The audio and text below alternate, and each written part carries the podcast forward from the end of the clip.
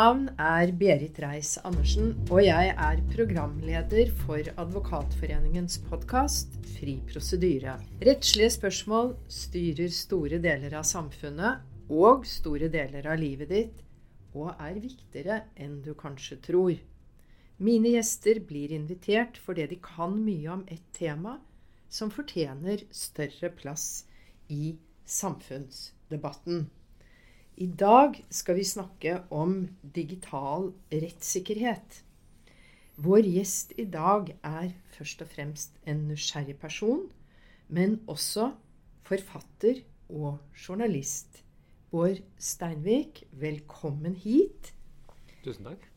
Du har skrevet en bok som heter 'Det store spillet'. Hvorfor har du skrevet den boka?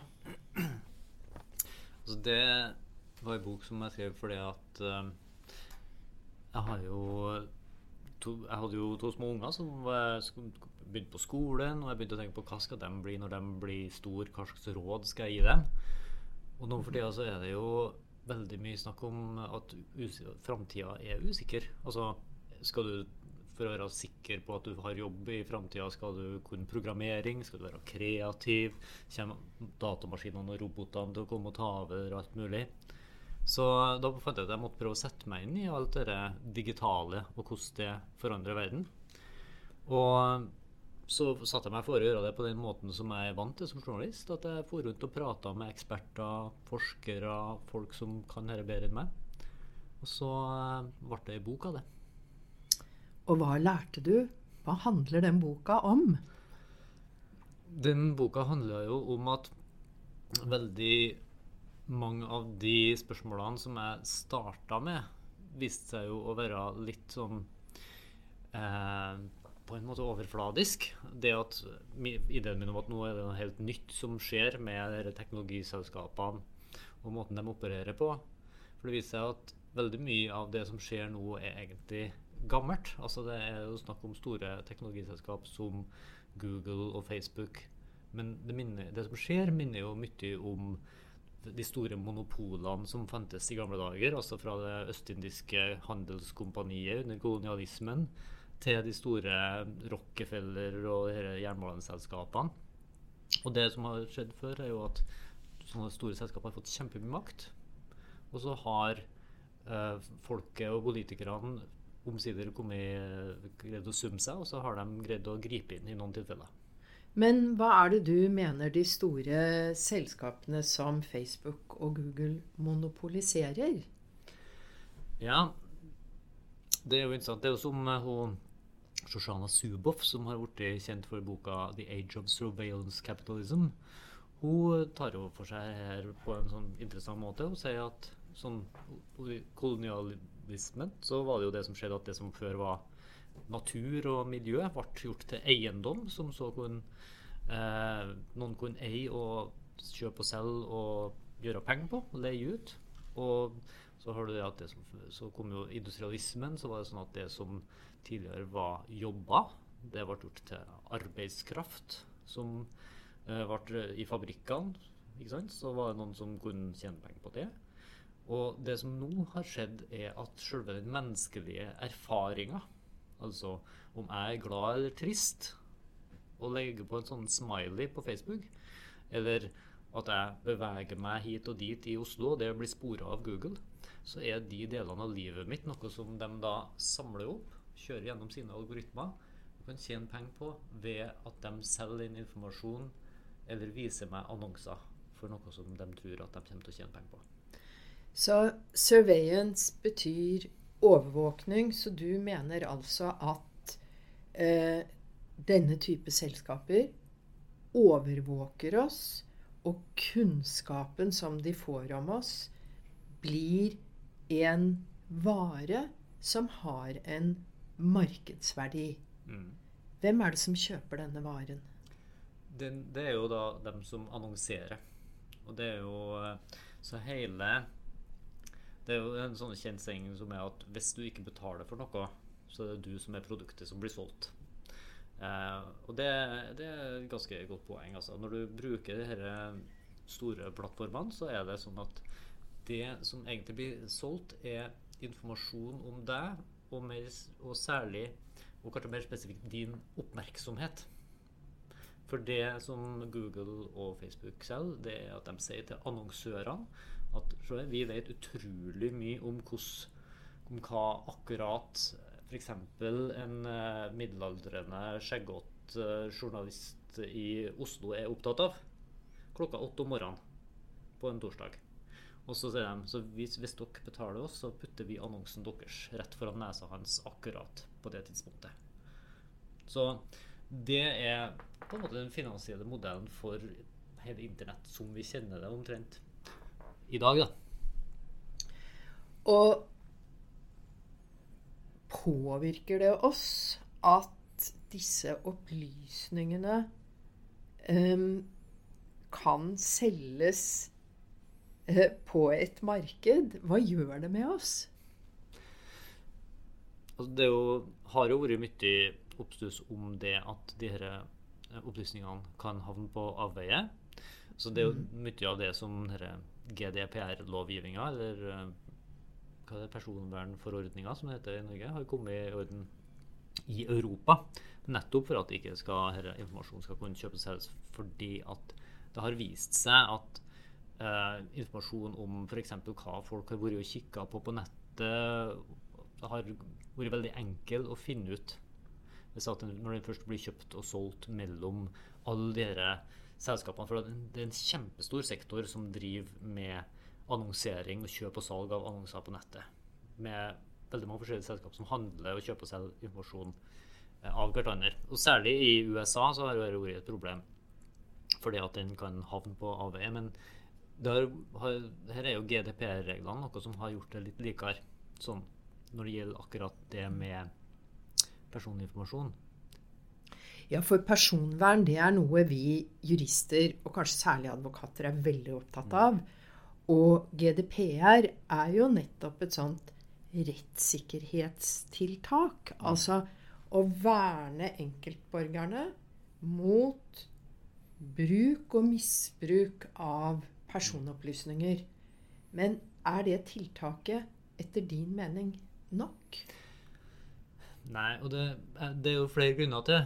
Altså, En av de grunnene er jo at eh, hele det, det som har blitt kutyme på nettet, er jo at du gir din aksept. sant?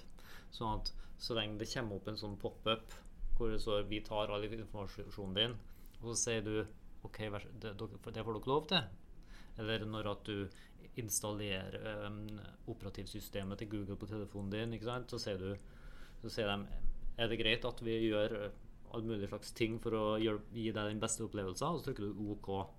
Etter å ha lest en lang tekst som du knapt orker å lese, for den er så lang og tettskrevet. Det er jo ingen som leser de tekstene. Og det er det som er noe av problemet med dette, at du skal si OK, og så gjør du det i realiteten noe du overhodet ikke forstår. fordi at du må inn på så mange submenyer for å lese alt. Og dessuten så står det jo der at det avhenger av sånn tredjepartsleverandører sine regler, som du, hvis du skal lese dem òg. Altså hvis du skal lese alt sammen Jeg tror det var et anslag at hvis du skal lese alle de tingene som du faktisk godkjenner i løpet av et år med å trykke OK, så vil du måtte bruke 76 arbeidsdager bare på å lese det. Og da vil du neppe forstå det uansett hvis du ikke da var jurist. Og det er jo noe av det som det norske forbrukerrådet har tatt tak i og innmeldt Google for, for eh, da, Men problemet som har oppstått da, er jo at de må gå til det irske forbrukerrådet. For at Google har jo hovedkontor i Irland for Europa. Så der får du en sånn suverenitetsproblematikk med en gang. at der har jo den saken ligget sida. Men altså en forutsetning for alt dette ja. er jo at det er dataopplysninger om oss som enkeltpersoner som lagres et sted. Og nå har det jo vært en rivende utvikling de siste år om at lagringen skjer i skyen. Og kan ikke du fortelle litt om den skyen? Hvor er den? Og de dataopplysningene som bor i den skyen, mm. hvor bor de hen egentlig? Ja, jeg syns jo det er interessant i seg sjøl at vi har godtatt eh, det begrepet som er skyen, for det er jo et begrep som de store teknologiselskapene har tatt i bruk. Og det tror jeg det passer dem veldig godt. fordi at skyen det høres fint ut. fordi at ok, skyen det er, Vi skjønner ikke helt hvor det er, men det er liksom rundt oss, og det er tilgjengelig, og vi kan bare strekke ut hånda når som helst, og så har vi dataene våre. Men det er jo ikke noen sky, egentlig. All data ligger jo på en server en eller annen plass, som ligger en eller annen plass. Og de kan være i Mongolia for den saks skyld, eller de kan ligge i Sveits, men veldig mange av dem ligger jo da i USA. Og de, det betyr at våre data sendes ut av Norge. Ja, for jeg har forstått deg slik at du er veldig opptatt av et nasjonalt eierskap til data. Mm. Hvorfor det? Ja, det er jo stadig flere rundt omkring i verden som etter hvert har skjønt det at dataen ikke bare er i skya, men de er en eller annen plass. Og det, hvor de er, det gir en del, um, en del, uh, har en del følger for makt og suverenitet og kontroll over ressurser. Så land som f.eks. Singapore og India har begynt å si at de krever, vil kreve at indiske data f.eks. skal være lagra på indisk jord. Men òg i Norge så har f.eks. Norsk tjenestemannslag de har reagert på at Forsvaret planla å bruke eh, amerikanske eh, skytjenester. Det tror jeg var fra Microsoft, hvis jeg ikke husker helt feil. Og, men da er de bekymra for at da skal altså norske forsvarshemmeligheter potensielt sett være lagra i USA. Hvor du har myndigheter som har laga lover som sier at de kan kreve innsyn i alt de vil av uh, sikkerhetsgrunner. Altså for matters of national security. Og det samme har skjedd i Tyskland. Der har uh, mange politikere blitt bekymra fordi at det viser seg at filmene fra kroppskameraene til tyske politifolk blir lagra på Amazon sine servere. Og Der har de også samme bekymringa. Så folk begynner etter hvert å skjønne at herre, det har, uh, altså data er kilde til både makt og penger. Og vi må ha litt kontroll på hvor de ressursene våre er og forsvinner. Det har jo vært en stor debatt om uh, Huawei som utbygger av uh, Det er vel 5G-nettet. Mm. Uh, nettopp fordi man mener at et kinesisk selskap Eller det har vært hevdet at et kinesisk selskap vil ha en rapporteringsplikt til kinesiske myndigheter, og derfor kan bruken av Huawei være en sikkerhetsrisiko. Mm. Men det du sier, er at lagring også på territorier tilhørende våre allierte kan være en sikkerhetsrisiko fordi de har andre nasjonale lover om vilkår for innsyn. Er det riktig oppfattet? Er det det du mener? Ja, det er et aspekt av det. Eh, mm. Et annet aspekt av det er jo rett og slett at når de dataene blir samla opp av store internettselskap, f.eks.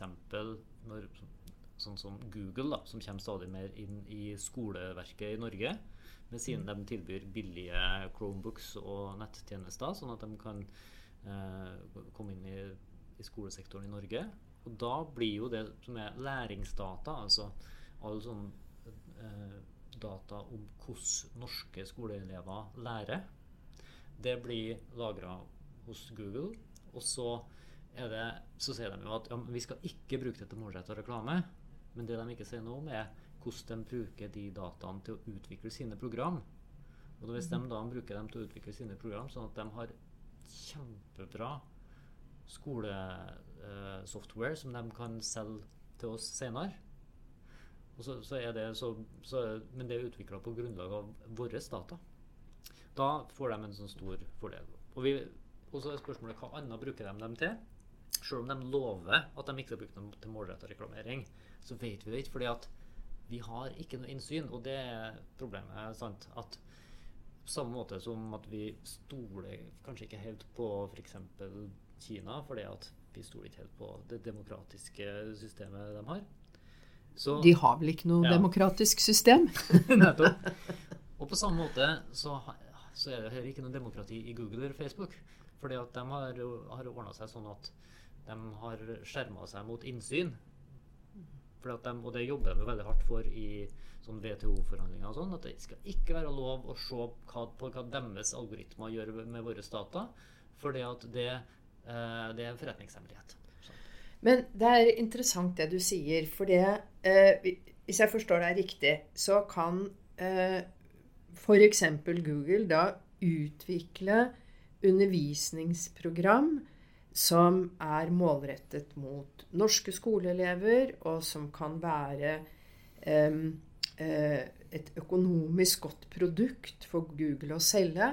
Og at det da foregår en maktforskyvning da, fra hva skal vi si, undervisningsmyndighetene i Norge. Man kan bare glemme læreplaner i de enkelte fag. For i virkeligheten blir det avgjort hos Google. Er det, er det virkelig slik? Altså, Du kan jo sammenligne det med f.eks. Eh, transportsektoren. da. Altså Alle sånne offentlige sektorer det er jo som helse, transport og skole. Der posisjonerer de store teknologiselskapene seg nå. Og Uber f.eks. har jo som forretningsidé at de lager de underselger de kollektive transporttilbudene. ikke sant? De, de, har så mye investorpenger at de subsidierer sine tjenester, sånn at det blir unaturlig billig å ta Uber. Så blir det veldig mange folk som reiser med Uber i stedet for å reise kollektivt. Og da samler de opp kjempemye trafikkdata. Så f.eks. I, i LA så har det jo vært Og andre byer så er det et problem at der samler de opp, og så, og så, og så når myndighetene kommer og sier dere har, vi vil ha tilgang på de trafikkdataene fordi vi vil lage en god kollektivtjeneste, og vi syns at dette bør komme alle borgerne til nytte. Så nekter de å gi fra seg de dataene. For det er det som egentlig er deres eh, forretningsfordel. ikke sant? Det er det de vil tjene penger på i framtida. At de har samla alle de dataene og dermed er i en sånn maktposisjon. Og jeg spurte deg i sted hva gjør det med oss at noen vet så mye om oss, og da er svaret da at våre forbrukerpreferanser i realiteten blir formet av store internasjonale selskaper? Det, kort sagt så er det jo det at hvis du har et sånt stort system, og det, det som de tjener penger på, er jo f.eks. annonsering. Altså å monopolisere vår oppmerksomhet. Eh, og, og, da blir alt det andre som er i systemet, forma etter det. Og så, sånn at det er på en måte som at jeg tenker på at det er ikke så farlig om Google vet akkurat akkurat når jeg går på do, eller hva det er jeg liker å google. Men når de vet at hva to milliarder folk liker å google, så har de en sånn stor oversikt at de kan begynne å vri hele offentligheten. Og det du ser med særlig Facebook, er jo at de eh, Da får du en, en sånn oppmerksomhetsdrevet offentlighet. Hvor det som får folk til å klikke raskest, og får folk til å bli mest opphissa, det er det som prioriteres. For da får, får de også folk sin oppmerksomhet, og da kan de vise dem annonser. Som er det eneste de egentlig er ute etter. Men på vei dit så har de da laga en veldig sånn opphissa offentlighet, hvor folk blir sinte på hverandre. Er du på Facebook? Dessverre. Som alle andre. Det vel, og det er et av problemet. For at Facebook har overtatt som en sånn de facto offentlighet i Norge. Som veldig mange andre land. Uten at vi egentlig har eh, hatt noe sånn eh, politisk debatt om vi egentlig ønska at dem skulle bli vårt eh, torg. Men jeg forstår at din løsning på problemet er at du mener eh, at man må ha reguleringer slik at dataskyen, for å bruke det begrepet, er norsk, og at data lagres De dataer vi produserer i Norge, mm de skal lagres i Norge. Og et siste spørsmål. Men med de enorme mulighetene som datalagring gir til å kartlegge og i siste instans overvåke Du er ikke engstelig for at myndighetene på samme måte kan misbruke datamaterialet som de får om sine borgere? Mm, det er jo helt klart et kjempeproblem som vi ser i Russland og i Kina og i Egypt og mange, veldig mange land. Eh, og på sett og vis òg i USA. Så det jeg tenker, er jo at når du ser hvor, hvor, hvor stor makt de her eh, forskjellige eh, nasjonene og selskapene får i, i form av de teknologiske plattformene de har, så bør det òg være sånn at noen bygger et alternativ hvor det faktisk er demokratisk kontroll, og hvor det blir da sikra at uh, dataene våre blir anonymisert, f.eks. kryptert. Sånn at vi kan, for det er det som er så spesielt med fortsatt da, med Norge og de nordiske landene, at vi har en tillit. Vi, vi stoler fortsatt på, såpass mye på politikerne våre, og at vi kan eh, påvirke gjennom valg hvordan våre data skal bli behandla, og at det er trygt. Og det systemet det mener jeg jo da at vi må ta vare på. Og da må vi bygge opp det sånn at, det, så at folk over hele verden kan se at det er mulig å lage en sånn tillitsbasert modell. Tusen takk, Bård, for at du har delt din innsikt med oss, og så å si presentert ditt digitale verdensbilde til oss.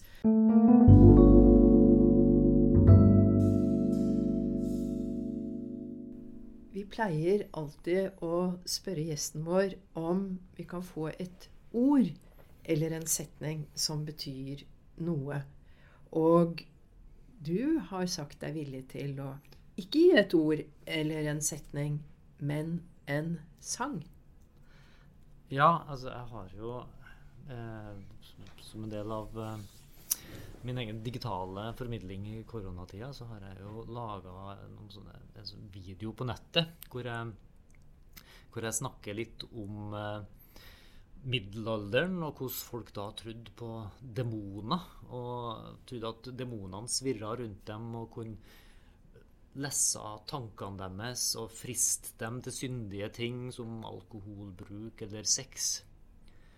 Og grunnen til at jeg Og den gangen, så i middelalderen, så hadde de jo også sin teknologi da, for å finne ut hvordan de kunne avsløre demonene. og og, og eh, bli kvitt dem og få kontroll på dem.